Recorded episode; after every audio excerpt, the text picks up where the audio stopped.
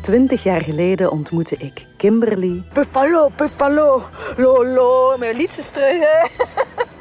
en Tiffany. Buffalo, Buffalo, Buffalo, Buffalo, ah, ah, Gent.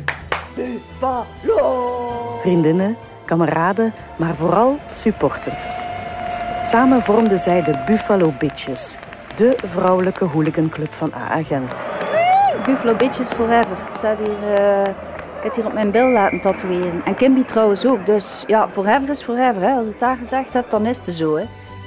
En nu, twintig jaar later, ben ik benieuwd hoe het met ze gaat. Zo'n weekendje weg voor te gaan knokken, eh, dat zit er bij mij niet meer in. Nee. Bestaan de Buffalo Bitches nog altijd? Ik heb alles achtergelaten, hè. De Buffalo Bitches, de Buffalo's, mijn leven, mijn familie. Ja, ze is echt heel veranderd. Dat is, dat is niet meer de Kimby. Gaat verschieten, hè.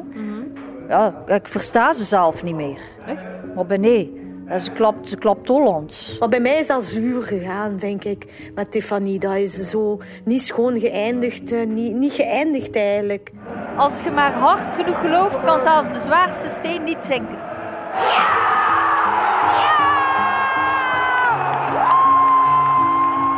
Ik ben Eva Moeraert en vanaf 1 juli kan je overal luisteren naar de Buffalo Bitches 20 jaar later. Een nieuwe podcast voor het Nieuwsblad en de Gentenaar.